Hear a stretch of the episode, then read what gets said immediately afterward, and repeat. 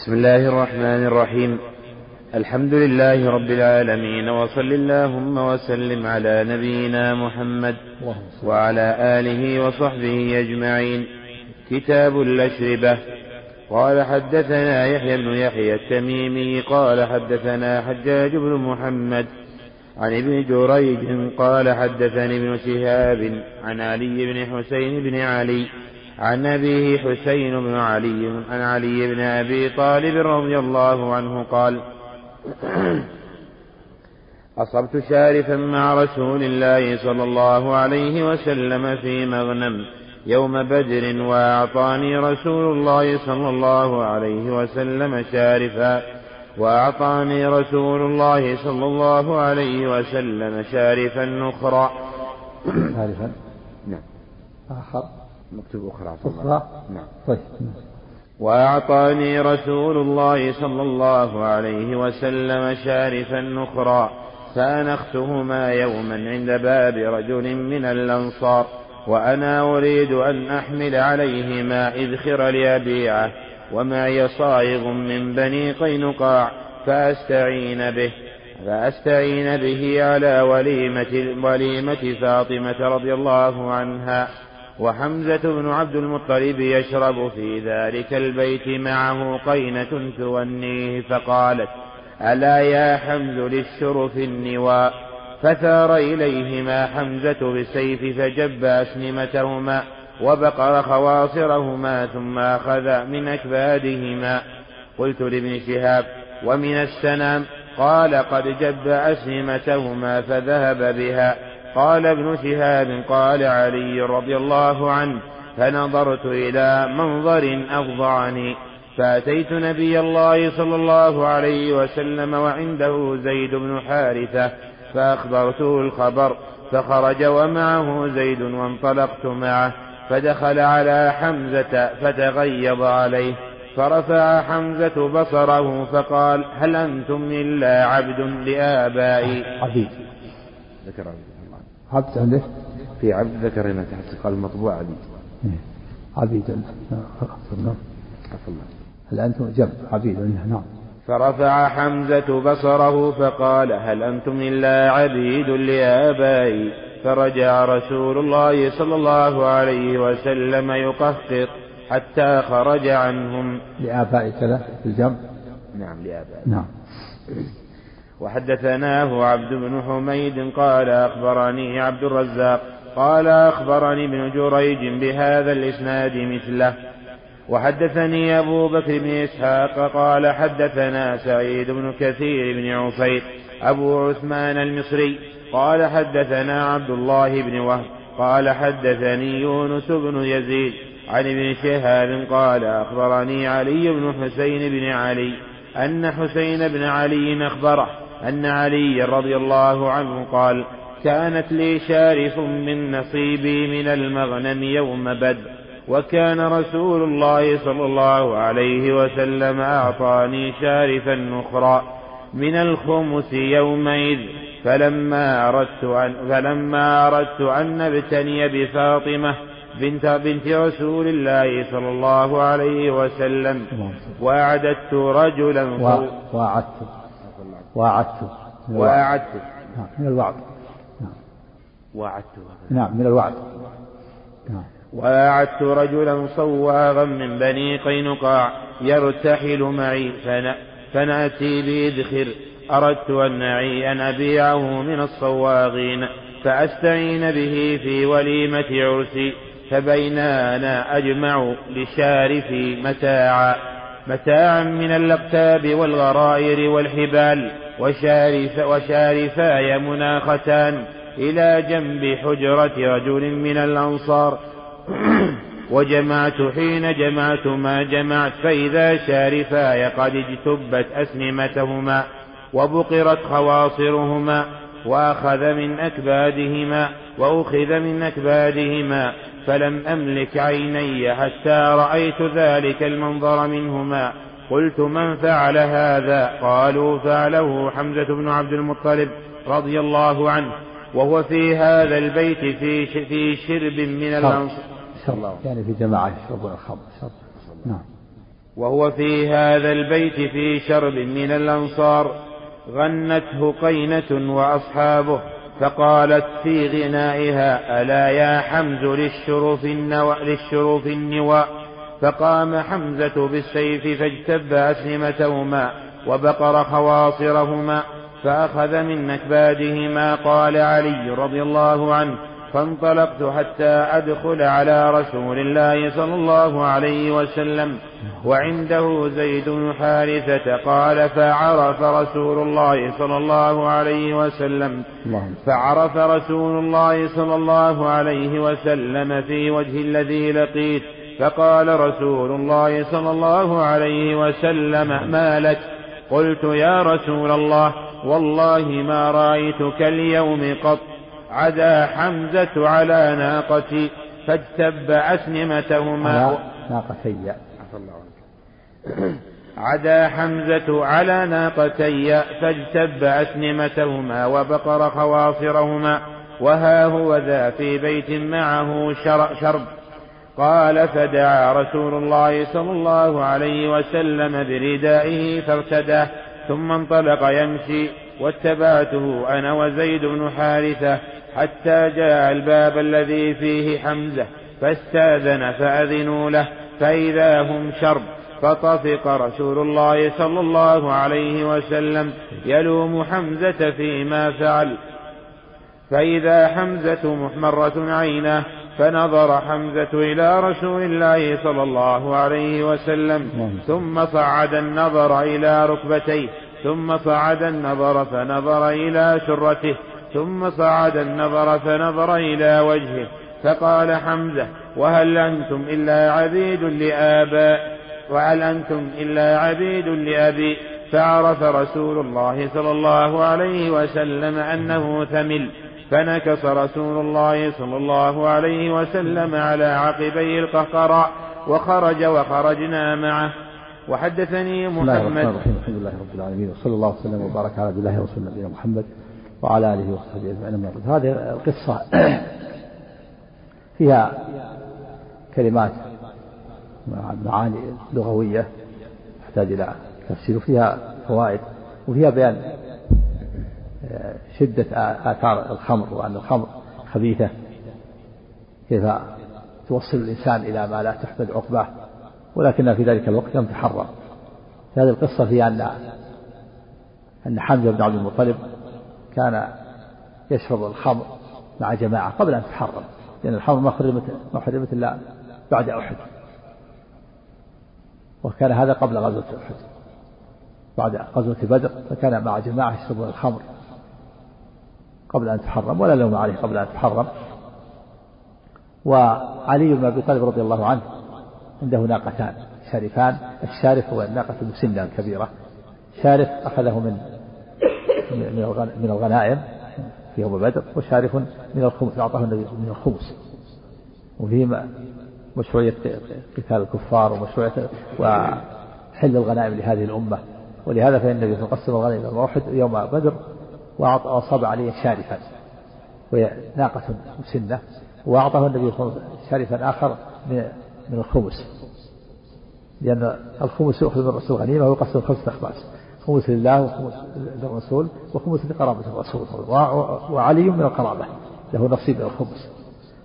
فحصل على يوم بدر على ناقتين ناقة أخذها من من المغنم لأنه لأنه مقاتل من المقاتلين وناقة أخذها من أعطيها من الخمس خمس القرابة. وكان قد عقلهما عند باب رجل من الأنصار وحمزة بن عبد المطلب وجماعة شربوا الخمر. سكروا. ومعلوم الأسكرة تسكر تغيب العقل. والسكران يخيل إليه أنه أن يكون في عالم آخر. يخيل إليه أنه ملك وأنه يأمر وأنه ينهى وأنه كذا. هو في عالم آخر مفقود العقل. فشرب الخمر عنده جارية تغنيه هيجت هذه الجارية تغنيه ألا يا حمز للشرف النوائي. يعني عليك بالشرف يعني الناقة. الناقة السمينة. الواحد يسمى شارفة فجمع شرف. عليك بالإبل. النواء السمينة. جمع ناوية والسمينة عليك بها. في تكملة للأبيات تكملة ذكر الشرع على يا حمز بالشرف النواء وهن معقلات بالفناء. آه، ضع السكين أو في اللبات وضرجهن حمز بالدماء. والبيت الثاني خذ من أكبادهن كذا وكذا. فهيجت خمر ومغنية فخرج. وأخذ السيف وجب أسلمة الناقتين قطع أسلمتهما ثم شق بطونهما واستخرج الأمعاء وجعل يأكل. سكران ما عنده عقل. فلما جاء علي رضي الله عنه وجد منظر فظيع. أولا إن إنه الآن هذه يعني تعتبر تعتبر هذه الشركة رأس ماله ما عنده مال غيرها. هذه الناقة اللي أخذها من المغنم وهذه الناقة أعطيها من الخبز. وثانيا هو قد وعد رجلا من الصواغ للاحتشاش يحتشون عليهما ويبيعون حتى يجمع شيئا من المال فيجعله وليمة يستعين على وليمة وليمة في زواجه ببيت النبي صلى الله عليه وسلم فاطمة. وهذا فيه دليل على أن زواج علي رضي الله عنه بفاطمة كان بين بدر وأحد. كان بعد غزوة بدر وقبل غزوة أحد. وفيه أنه أنه لا بأس بالاحتشاش والاحتطاب والإنسان يحتش ويحتطب ويبيع لأن الحشيش والحطب هذا مباح للجميع. وكل إنسان يحتش ويحتطب. يأخذ الحشيش من البر ويبيع ويكف الله به وجهه عن السؤال. هذا هو الذي ينبغي. وهذه مهنة تكون عمل ولا يسأل الناس ويشحذ وفي أن الاحتجاج والاحتطاب لا عيب فيه ولا يقص المروءة. فهذا علي رضي الله عنه من أشرف الناس. ومع ذلك قرر النبي صلى الله عليه وسلم على الاحتشاش والاحتطاب. وفي مشروعية الوليمة للعرس. ولهذا قال استعينوا على ولية فاطمة وفي لفظ أردت أن أبتني بفاطمة. والبناء يعني الزواج وسمي الزواج بناء لأنه كانت العرب إذا تزوج المتزوج يضرب له خيمة يبنى له خيمة فقيل المتزوج يبتني أو. و والإذخر الذي يأخذونه الحشيش والإذخر نوع من نوع من الحشيش الرطب يجعله أهل مكة في بدلا من الجريد في سقوف سقوف البيوت. عندنا في نجد الآن يجعل بين الخشب الجريد في مكة يجعلون بدل الجريد هذا هذا النبت الخر وكذلك يجعل في القبور بين الخلل. إذا جعل اللبنات على الميت يجعل في الخلل. وكذلك يجعل يوقد به الصاغة والحدادون النار. فلهذا يحتشون هذا الذخر ويبيعونه. الناس يستفيدون منه يضعونه في القبور وفي السقوف والصواغون والحدادون قالوا بينه جواز الاستعانة باليهود. هذا قبل أن يؤمر قبل أن يؤمر بإخراجهم. وأنه لا بأس بالاستعانة والمعاملة معاملة اليهود. قال قبله من اليهود. لا بأس بالمعاملة وأنها ليست من التولي ولا من الموالاة. تولي محبة الكفار ومعاونة مع المسلمين هذا ردة والموالاة معاشرتهم وصدقتهم والبيع والشراء ليس من هذا. فإذا باع واشترى معه فلا حرج مع الحذر من شرهم. ولكن لا ينبغي إقراره في جزيرة العرب. يقول لا يبقى في جزيرة العرب دينار رحمك الله. لكن لو كان بدون إقرار شيء عارض كما كان يأتي الواحد منهم في المدينة ويبيع سلعته يوم يومين ويذهب أو كان في غير جزيرة العرب فلا بأس. قال قينقاع يصرف ويمنع من الصرف. فإذا أريد الحي صرف وإذا أريد القبيلة منع من الصرف.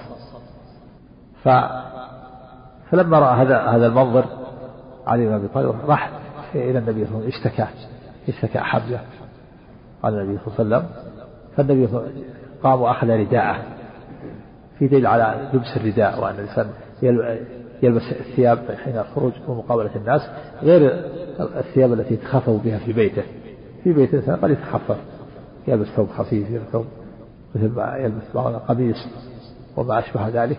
فإذا أراد الخروج فإنه مقابلة الناس يلبس الثياب المناسبة. وإذا أراد مقابلة الضيوف أو أو الوفود فإنه يلبس الثياب الجميلة كما قال النبي صلى الله عليه وسلم عمر لما قال له لما رأى حلة حلة تباع قال لو اشتريتها للوفد وللجمعة فالنبي صلى الله عليه وسلم أمر به فأخذ رداءه ووضعه على كتفيه على عادة العرب في لبس العزر والأردية وقد يلبسها القمص. فدخل النبي صلى الله عليه وسلم وتبعه زيد أسامة وأسامة بن زيد وعلي بن أبي طالب. فالنبي صلى الله عليه وسلم تكلم مع حمزة يظن أنه أن معه عقل. وتغير عليه أنكر عليه هذا الفعل. ولكن حمزة لا يزال في, سكره جعل ينظر إلى نظر إلى ركبتي النبي صلى الله عليه وسلم نظر إلى سرته. ثم فقال هل, هل أنتم إلا عبيد لأبي أو لآبائي؟ فعرف النبي صلى الله عليه وسلم أنه ثمن سكران. ولا زال في سكره فرجع النبي صلى الله عليه وسلم رجع القهقرة يعني نكص على نكص ورجع القهقرة يعني يرجع من خلف ووجهه إلى حمزة وذلك خوفا من لأنه سكران حمزة فيخشى النبي إذا ولاه ظهره أن يصيب بشيء وأن يعمل شيء. لأنه سكران ما عنده عقل. النبي رجع القهقرة الخلف ووجهه إليه حتى لا يعمل شيئا. أو حتى لا يصيب بشيء. وفي دليل على على خبث الخمر وآثارها السيئة. ولكنها في ذلك لم لم في ذلك الوقت لم تحرم ولهذا جاء حرمت بعد قتل قوم قتل شهداء في أحد وهم يشربون الخمر. ثم حرم بعد ذلك فأشكل ذلك على بعض الصحابة وقال رسول الله قتل إخواننا وهي في بطونهم في بطونهم فأنزل الله هذه ليس على الذين آمنوا وعملوا الصالحات جناح فيما طعموا إذا ما اتقوا وآمنوا وعملوا الصالحات ثم اتقوا وآمنوا ثم اتقوا وأحسنوا والله يحب المحسنين. لأنها لم تحرم في ذلك. ثم بعد ذلك حرمها الله. وهذا الحديث ساقه المؤلف رحمه الله لبيان إيه، شدة الخمر وآثارها السيئة وأن الله حرمها. وهذا الحديث ساقه المؤلف رحمه الله في في في النكاح في الزواج في الوليمة العرس في الوليمة لأن علي رضي الله عنه كان يحتش عليهما وعد رجلا من الصوار من قينقاع يحتش عليهما ليستعين بذلك في وليمة العرس. فدل على مشروعية الوليمة. فساقه هنا في وليمة العرس وساق في كتاب الأشربة لبيان الخبر وأنها قبل ذلك كانت أول مباحة على البراءة الأصلية ثم حرمها الله. نعم. لأنه لا بأس أيضا بالبيع على الصواغين ومعاملتهم ولو قال المهنة منها رديئة. لا بأس بالاحتشاش والاحتطاب والاستعانة بالكفار. والتعامل معهم في غير المعاشرة والمصادقة والمعاملة مع الصواغين كل هذا لا حرج فيه نعم. وحدثنيهم محمد بن عبد الله بن قهزاد. قهزاد. وحدثنيه محمد بن عبد الله بن قهزاد. قال حدثني عبد الله بن عثمان عن عبد الله بن المبارك عن يونس عن الزهري بهذا الإسناد مثله. وحدثني أبو الربيع سليمان بن داود العتكي قال حدثنا محمد يعني بن زيد قال أخبرنا ثابت عن أنس بن مالك رضي الله عنه قال كنت ساقي القوم يوم حرمت الخمر في بيت أبي طلحة وما شرابهم إلا الفضيخ البسر والتمر فإذا منادي ينادي فقال اخرج فانظر فخرجت فإذا منادي ينادي ألا إن الخمر قد حرمت؟ قال فجرت في سكك المدينة فقال لي أبو طلحة اخرج اخرج فأهرقها فهرقتها فأهرقها. اخرج فأهرقها فهرقتها فقالوا أو قال بعضهم قتل فلان قتل فلان وهي في بطونهم. قال فلا أدري هو من حديث أنس فأنزل الله عز وجل ليس على الذين آمنوا وعملوا الصالحات جناح فيما طعموا إذا ما اتقوا وآمنوا إذا ما اتقوا وآمنوا وعملوا الصالحات. وحدثنا فيه, فيه سرعة مبادرة الصحابة رضوان الله إلى امتثال أمر الله وأمر رسوله. كان أنس يسقي أبا طلحة وجماعة وأبي وجماعة قبل أن تحرم ثم سمعوا صوتا سمعوا فقالوا اخرج أنس تسمع الصوت فسمع فقال هذا منادي من يقول إن الحمر قد, حرمت. فبادر الصحابة رضوان الله عليهم فأهرقوها صبوها فجرت في سك المدينة. فقال فقال أبو طلحة لأنس أهرقها يعني صبها وصبها فجرت في السكك وكان أبو طلحة هو زوج أمه. وفي دليل على أن صغير القوم يخدمهم هو خادم كان يسقيهم وفيه أن أن شرابهم من الفضيخ والفضيخ البسر والتمر. يفضخ البسر أو التمر ثم يصب عليه الماء حتى يغلي يكون خمر. فيه الرد على الكوفيين والأحناف الذين يقولون لا يسمى خمر إلا عصير العنب. كل ما خمر كل خمر من عصير العنب من عصير التمر والبسر والزبيب والذرة. والعسل والشعير كلها يكون من الخمر ليس خاصا بالعنب. ذهب الأحناف إلى أنه خاص بالعنب يسمى خمر وأما عداه فلا يسمى خمرا. فالعنب لا يجوز شرب قليله وكثيره. أما ما عداه فيجوز شرب القليل الذي لا يسكر يعني. إذا أسكر امتنعوا منه. والصواب أنه أن الجميع لا يجوز. لا يجوز شرب كل ما أسكر قليله فك كل ما أسكر كثيره فقليله حرام. وأن الخمر تكون من الذرة ومن العسل ومن التفاح ومن التمر ومن الزبيب ومن العنب ليس خاصة بالعنب. ولهذا قال قوم من البصرة أن خاصة بعصير العنب والني من من التمر. أما المطبوخ من هذا ومن هذا فلا يسمى خمرا. وقال آخرون أنها خاصة بعصير العنب والتمر التمر والعنب والصوم أنها عامة من كل شيء تكون الخمر كما قال عمر رضي الله عنه حرمت الخمر وهي ذكر خمسة أشياء في من التمر من العنب ومن التمر ومن العسل ومن فهي تسمى خمرا ويدل على ذلك الحديث كما سيأتي. كل مسكر خمر وكل خمر حرام. كل مسكر خمر لأي شيء كان. ليس خاصا بالعنب نعم. وحدثنا يحيى بن أيوب. وفي أنه لا لا لوم على من مات قبل أن تحرم. ولهذا لما استشكر الصحابة الذين ماتوا قبل أن تحرم أنزل الله هذه الآية. يتعلل الذين وعملوا الصالحات جناح فيما طائموا نعم. وحدثنا يحيى بن أيوب. قال حدثنا ابن علية قال وفي أن المدينة أنها جرت في سكة المدينة احتج به بعض العلماء على أن الخمر ليست نجسة. قالوا بدليل أنها أهرقت في سلك المدينة والشوارع ضيقة. فلا بد أن تمس أيدي الأرجل والثياب ولم النبي بغسل أرجلهم. وكثير منهم ليس ليس له نعل ليس عنده نعال يمشون حافين. دل على أنها طاهرة. وذهب الجمهور إلى أنها نجسة. يقول فلا إنما الخمر والمسر والعصاب رجس من عمل الشيطان فاجتنبوه. قالوا إنها نجسة. ولا يلزم من هذا أن تكون تمثل لا تجري في السكك يمكن اجتنابها. قالوا إنها نجسة و, و ولا يجوز إبقاؤها. وعلى القول بأنها نجسة فلا يجوز إبقاؤها. لأن إبقاءها وسيلة إلى كون التخلل هذا تتخلل فتكون حلالا تكون تكون خل. اختلف العلماء إذا قلبت الخمر خلا هل تحل أو لا تحل؟ فمن العلماء من قال بإباحتها إذا تخلت. ومنهم مفصل فقال إذا تخلت بنفسها حلت.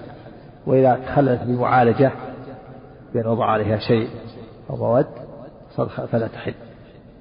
المقصود أن العلماء اختلفوا في نجاسة الخمر فالجمهور على أنها نجسة وآخر من العلم على أنها ليست نجسة. القول بأنها نجسة فلا بد من غسل ما أصابت من الثياب. القول بأنها ليست نجسة فلا يلزم نعم. والله الجمهور الآن هو قول الجمهور قول يعني له وجاهة جهة أنه ينبغي البعد عن الخمر وعن إبقائها لأن إبقائها وسيلة لشربها. القول الثاني أنها ليست بنجسة تبقى. يجوز الإنسان أن يبقيها وإذا صار وسيلة إلى شربها سد الباب. يعني ينبغي سد الباب نعم. وحدثنا يحيى بن أيوب قال حدثنا ابن علية قال أخبرنا عبد العزيز بن عبد العزيز بن صهيب قال سألوا أنس بن مالك رضي الله عنه عن الفضيخ فقال ما كانت لنا خمر غير فضيخكم هذا الذي تسمونه؟ غير فضيخكم هذا الذي تسمونه الفضيخ. إني لقائم أسقيها أبا طلحة وأبا أيوب ورجالا من أصحاب رسول الله صلى الله عليه وسلم في بيتنا. إذ جاء رجل فقال هل بلغكم الخبر؟ فقلنا لا قال فإن الخمر قد حرمت. فقال يا أنس أرق هذه القلال. قال فما راجعوها ولا سالوا عنها بل خبر بل خبر بل خبر الرجل. إيه؟ بعد خبر الرجل. بعد خبر الرجل. وفيه سرعة المبادرة في الصحابة رضي الله عنهم إلى أمر الله وأمر رسوله فضل الصحابة. الله إنما كان قول المؤمنين إذا دعوا إلى الله ورسوله أن يقول يحكم بينهم أن يقولوا سمعنا وأطعنا. وهذا هو الفرق بين الصحابة الصحابة يمتثلون الأوامر وينتهون عن النواهي ولا يتلكؤون ولا يتأخرون بخلاف من بعدهم ولهذا قال فما رجعه بعد خبر. مجرد ما سمعوا المنادي أحرقوها مع شدة تعلقهم بها لأنه كانوا كانوا يشربونها في الجاهلية ولا يستطيعون الانفكاك عنها. ولهذا آه، تدرج الله سبحانه في في تحريمها. أولا بين أن فيها منافع وفيها وفيها مضار ثم نهى عن شربها قرب في وقت قربان الصلاة ثم حرمها تحريما بات ومع ذلك بادر هذا فضائل الصلاة أنه بادرون. ولهذا قال ما رجبها بعد خبر الرجل وفي دليل على خبر قبول خبر الواحد والرد على ما قال لا هو خبر واحد. خبر واحد سمع منادي ف... فأحرقوها ومن ذلك قول سرعة مبادرة الصحابة قول عائشة رضي الله عنها يرحم الله نساء الأنصار. لما أمر الله بالحجاب شققنا ثيابهن فاختمرن بها. فكان فكان كان على رؤوسنا غربان. يعني مجرد ما نزل الحجاب امتثلنا أمر الله وأمر رسوله. نعم.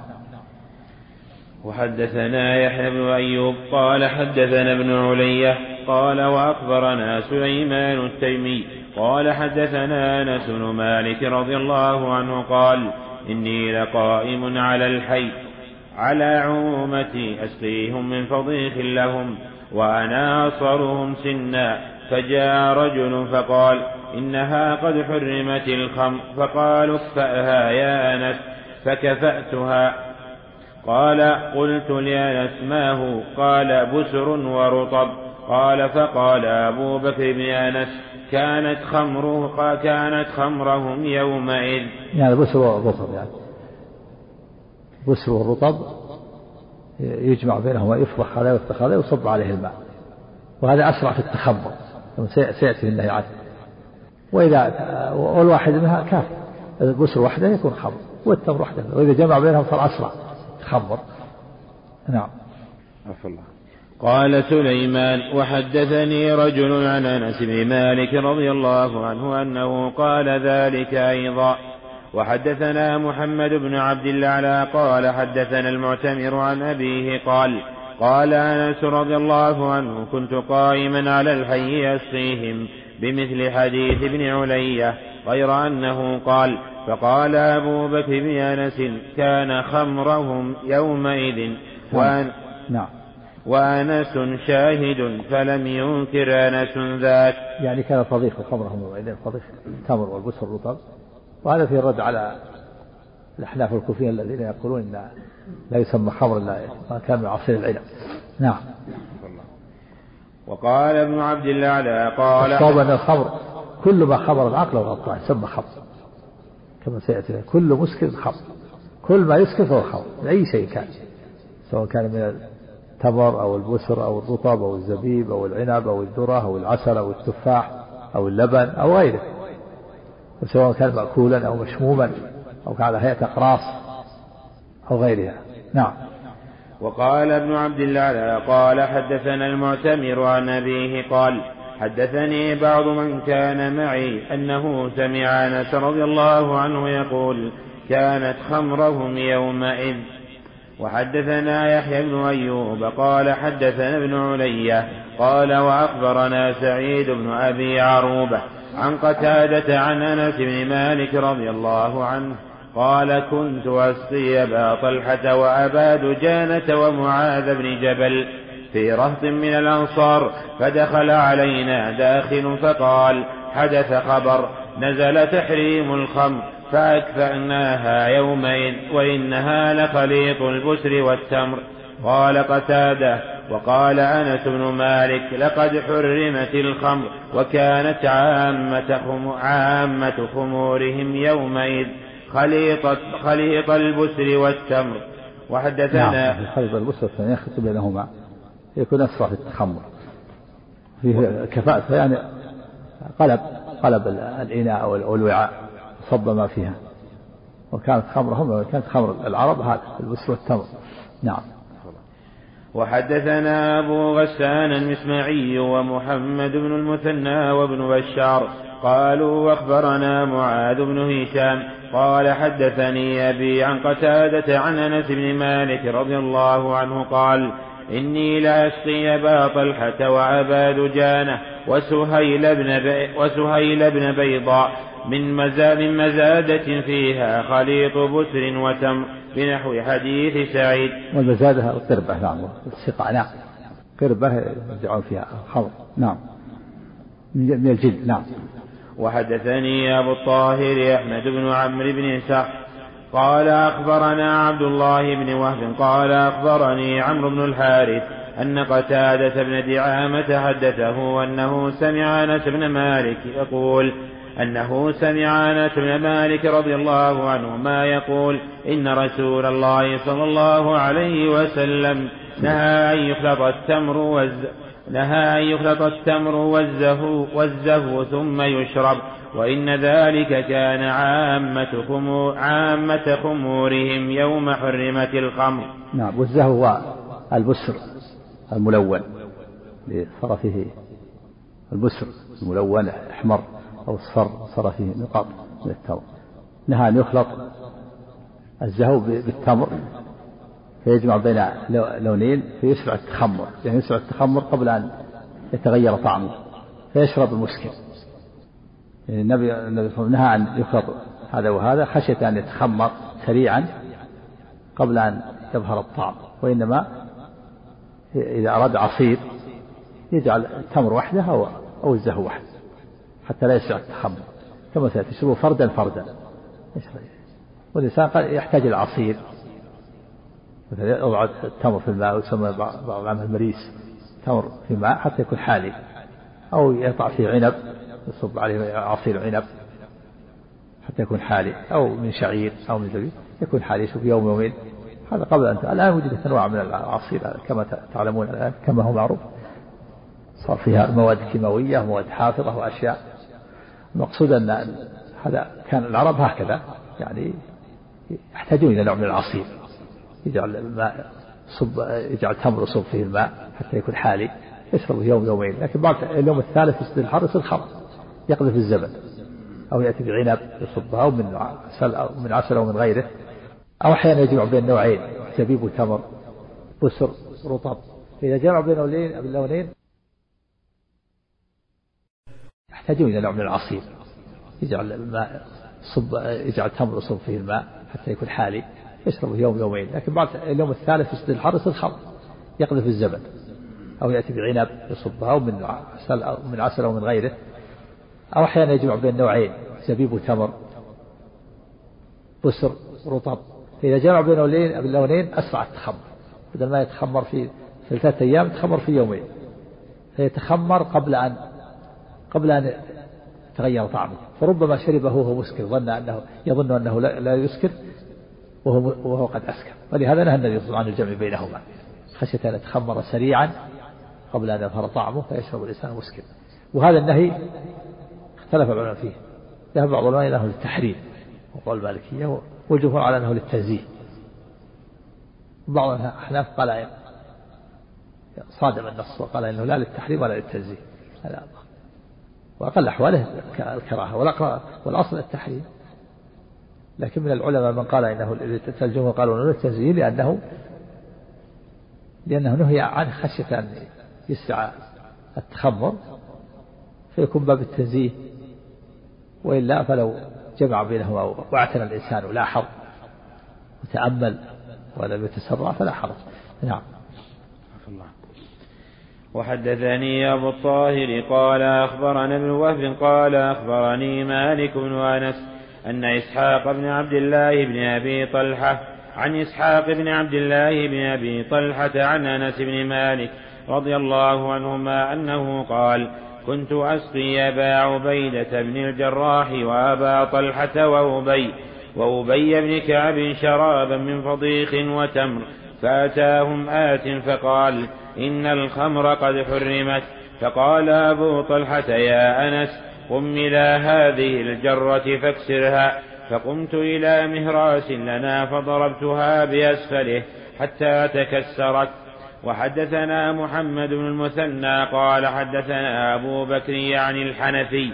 قال حدثنا عبد قال حدثنا عبد الحميد بن جعفر قال حدثني أبي أنه سمع أنس بن مالك رضي الله عنهما يقول لقد أنزل الله الآية التي حرم الله فيها الخمر وما بالمدينة شراب يشرب إلا من تمر.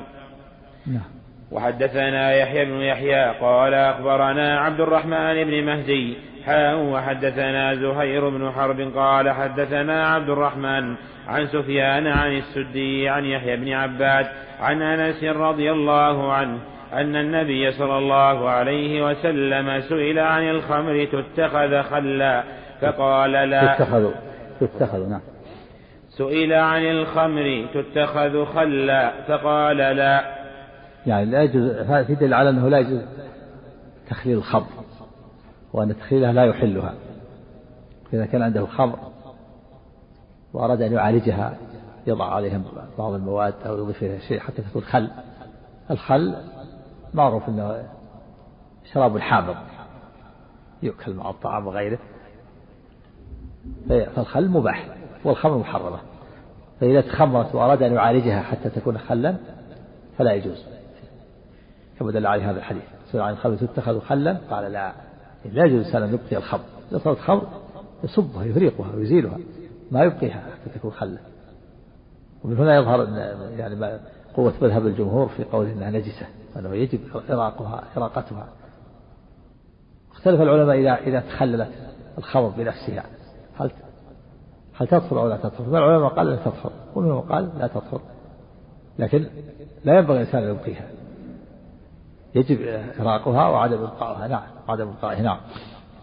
وحدثنا محمد بن المثنى ومحمد بن بشار واللفظ لابن المثنى قال حدثنا محمد بن جعفر قال حدثنا شعبة عن سماك بن حرب عن علقمة بن وائل عن أبيه وائل الحضرمي أن طارق أن طارق بن سويد الجعفي سأل النبي صلى الله عليه وسلم عن الخمر فنهاه أو كره أن يصنعها فقال إنما أصنعها للدواء فقال إنه ليس بدواء ولكنه داء. نعم في دليل على أنه لا يجوز المداواة في الخمر وأنها ليست دواء ولكنها داء مرض مرض ليست دواء.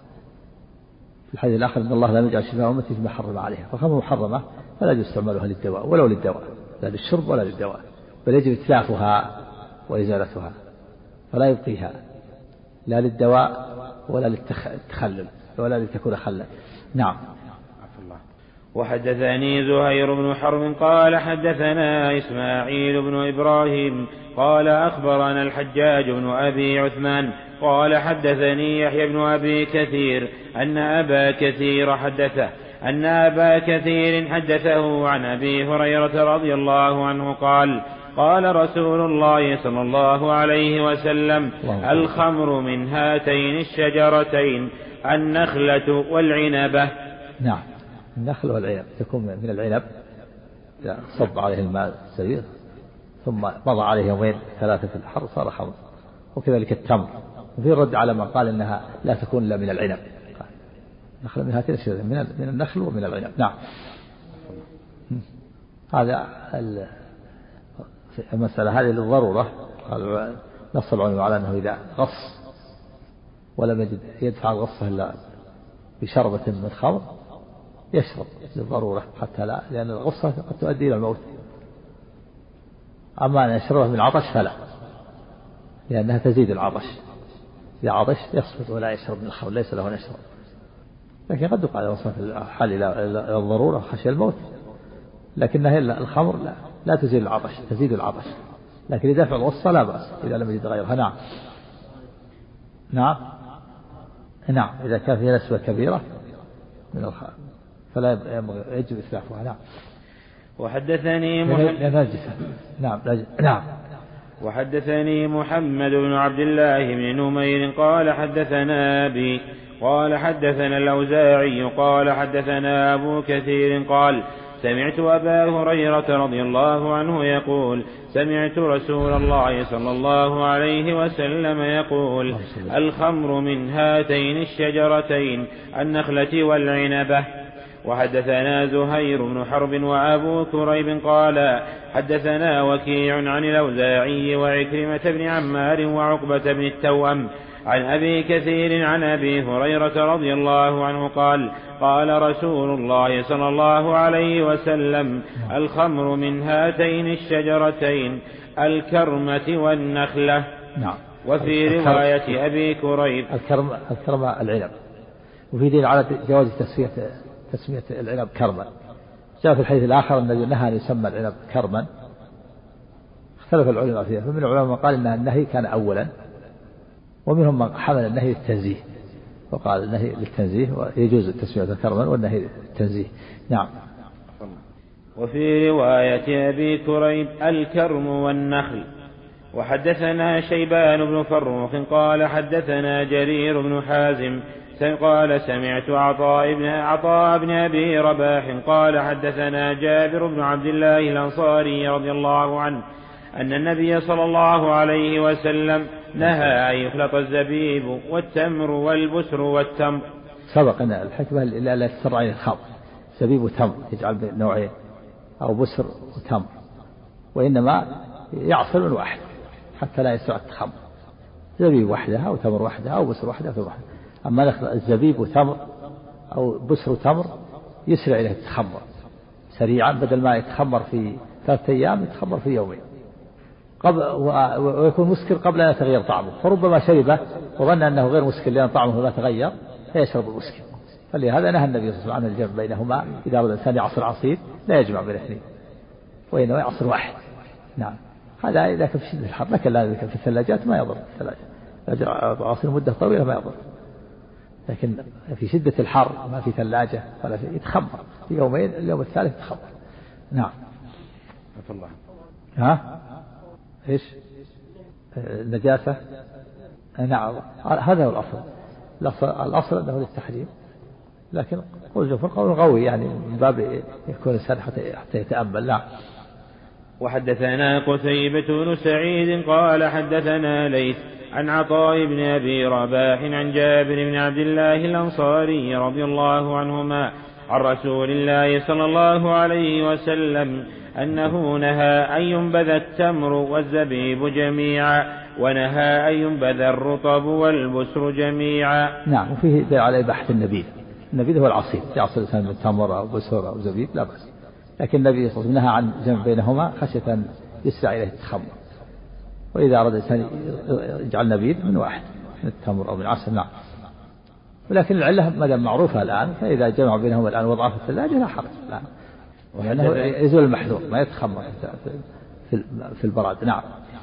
وحدثنا محمد بن حاتم قال حدثنا يحيى بن سعيد عن ابن جريج حاء وحدثنا إسحاق بن إبراهيم ومحمد بن رافع واللفظ لابن رافع قال حدثنا عبد الرزاق قال أخبر ابن قال أخبرنا ابن جريج قال قال لي عطاء سمعت جابر بن عبد الله رضي الله عنهما يقول قال رسول الله صلى الله عليه وسلم لا تجمعوا بين الرطب والبسر وبين الزبيب والتمر نبيذا.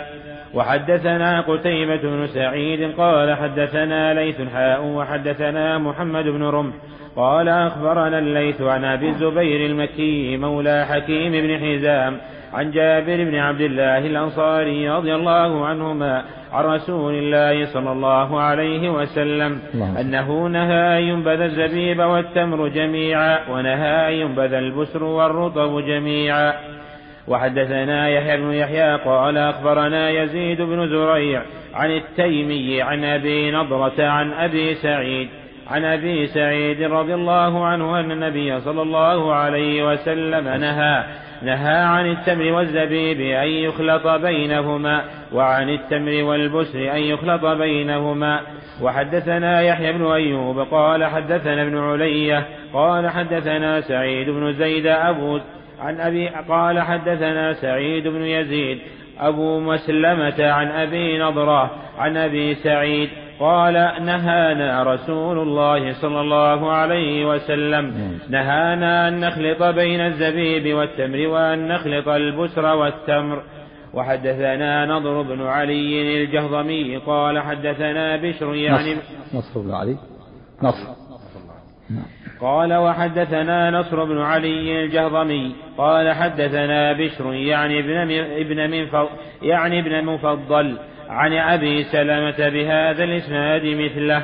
وحدثنا قتيبة بن سعيد قال حدثنا وكيع عن إسماعيل بن مسلم العبدي عن أبي المتوكل الناجي عن أبي سعيد الخدري رضي الله عنه قال قال رسول الله صلى الله عليه وسلم من يشرب النبيذ منكم فليشرب به زبيبا فردا أو تمرا فردا أو بسرا فردا يعني لا يخلط بينهما على حدة كل واحد على حدة. يشرب زبيب على حدة فرد أو التمر حتى لا لا يجمع بين الاثنين حتى لا يتسرع الخمر. نعم. حتى لا يسرع إليه التخمر. نعم. وحدثنيه أبو بكر بن إسحاق قال حدثنا روح بن عباء روح حدثنا روح بن عبادة قال أخبرنا إسماعيل بن مسلم العبدي بهذا الإسناد قال نهانا رسول الله صلى الله عليه وسلم أن نخلط بسرا بتمر أو زبيبا بتمر أو زبيبا ببسر. وقال من شربه منكم فذكر بمثل حديث وكيع. قال حدثنا يحيى بن أيوب قال حدثنا ابن علية قال أخبرنا هشام الدستوائي عن يحيى بن أبي كثير عن عبد الله بن أبي قتادة عن أبيه قال قال رسول الله صلى الله عليه وسلم لا تنتبذوا الزهور لا تنتبذوا الزهو والرطب جميع والرطب جميعا ولا تنتبذوا الزبيب والتمر جميعا وانتبذوا كل واحد منهما على حدته. نعم سبق الزهو البسر المنقط الذي الحمر والصر فيه نقاط مع التمر لا يخلط بينهما والزبيب والتمر الزبيب مع العنب إذا يبس لا يخلط بين الزبيب لا يسرع عليه التخمر. كل واحد على حدة نعم. وحدثنا أبو بكر بن أبي شيبة قال حدثنا محمد بن بشر العبدي عن حجاج بن أبي عثمان عن يحيى بن أبي كثير بهذا الإسناد مثله. وحدثني محمد بن المثنى قال حدثنا عثمان بن عمر قال حدثنا عثمان بن عمر قال أخبرنا علي وهو ابن المبارك عن يحيى عن أبي سلمة عن أبي قتادة رضي الله عنه أن رسول الله صلى الله عليه وسلم قال لا تنتبذوا الزهو والرطب جميعا ولا تنتبذوا الرطب والزبيب جميعا ولكن انتبذوا كل واحد على حدته. وزعم يحيى أنه لقي عبد الله بن أبي قتادة فحدثه عن أبيه عن النبي صلى الله عليه وسلم بمثل هذا. وحدثنيه أبو بكر بن إسحاق قال حدثنا روح بن عباء بن عبادة قال حدثنا حسين المعلم قال حدثنا يحيى بن أبي كثير بهذين الإسنادين غير أنه قال الرطب والزهو والتمر والزبيب. وحدثني أبو بكر بن إسحاق قال حدثنا عفان بن مسلم قال حدثنا أبا حدثنا أبان العطار قال حدثنا يحيى بن أبي كثير قال حدثني عبد الله بن أبي قتادة عن أبيه أن نبي الله صلى الله عليه وسلم نهى عن خليط البسر والتمر وعن خليط الزبيب والتمر وعن خليط الزهو والرطب وقال انتبذوا كل واحد على حدته وحدثني أبو سلمة بن عبد الرحمن عن أبي قتادة عن النبي صلى الله عليه وسلم بمثل هذا الحديث.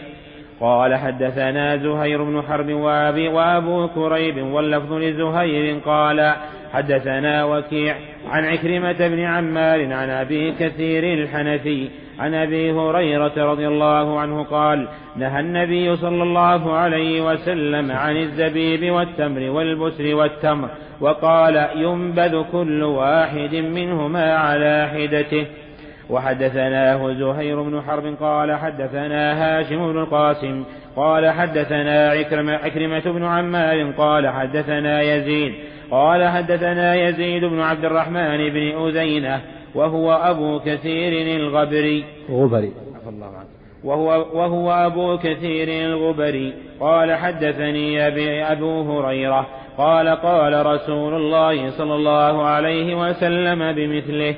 وحدثنا أبو بكر بن أبي شيبة. قال حدثنا علي بن مسهر عن الشيباني عن حبيب عن سعيد بن جبير رضي الله عن سعيد بن جبير عن ابن عباس رضي الله عنهم قال نهى رسول الله صلى الله عليه وسلم أن يخلط التمر والزبيب جميعا وأن يخلط البسر والتمر جميعا وكتب إلى أهل جرش.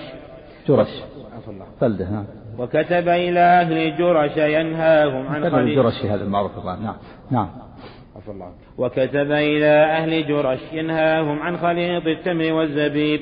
وحدثنيه وهو وهب بن وحدثنيه وهب بن بقية. قال أخبرنا خالد يعني الطحان عن الشيباني بهذا الإسناد في التمر والزبيب ولم يذكر البسر والتمر. وحدثني محمد بن رافع قال حدثنا عبد الرزاق قال أخبرنا ابن جريج قال أخبرني موسى بن عقبة عن نافع عن ابن عمر رضي الله عنهما أنه كان يقول قد قد نهي أن ينبذ البسر والرطب جميعا والتمر والزبيب جميعا. وحدثني أبو بكر بن إسحاق قال حدثنا روح قال حدثنا قال حدثنا ابن جريج قال أخبرني موسى بن عقبة عن نافع عن ابن عمر رضي الله عنهما أنه قال نهي أن ينبذ البسر والرطب جميعا والتمر والزبيب جميعا. قال حدثنا قتيبة بن سعيد قال حدثنا ليث عن ابن شهاب عن أنس بن مالك أنه أخبره أن رسول الله صلى الله عليه وسلم نهى عن الدباء. رحمه الله. سوق الطرق المتعددة الكثيرة نعم. نعم.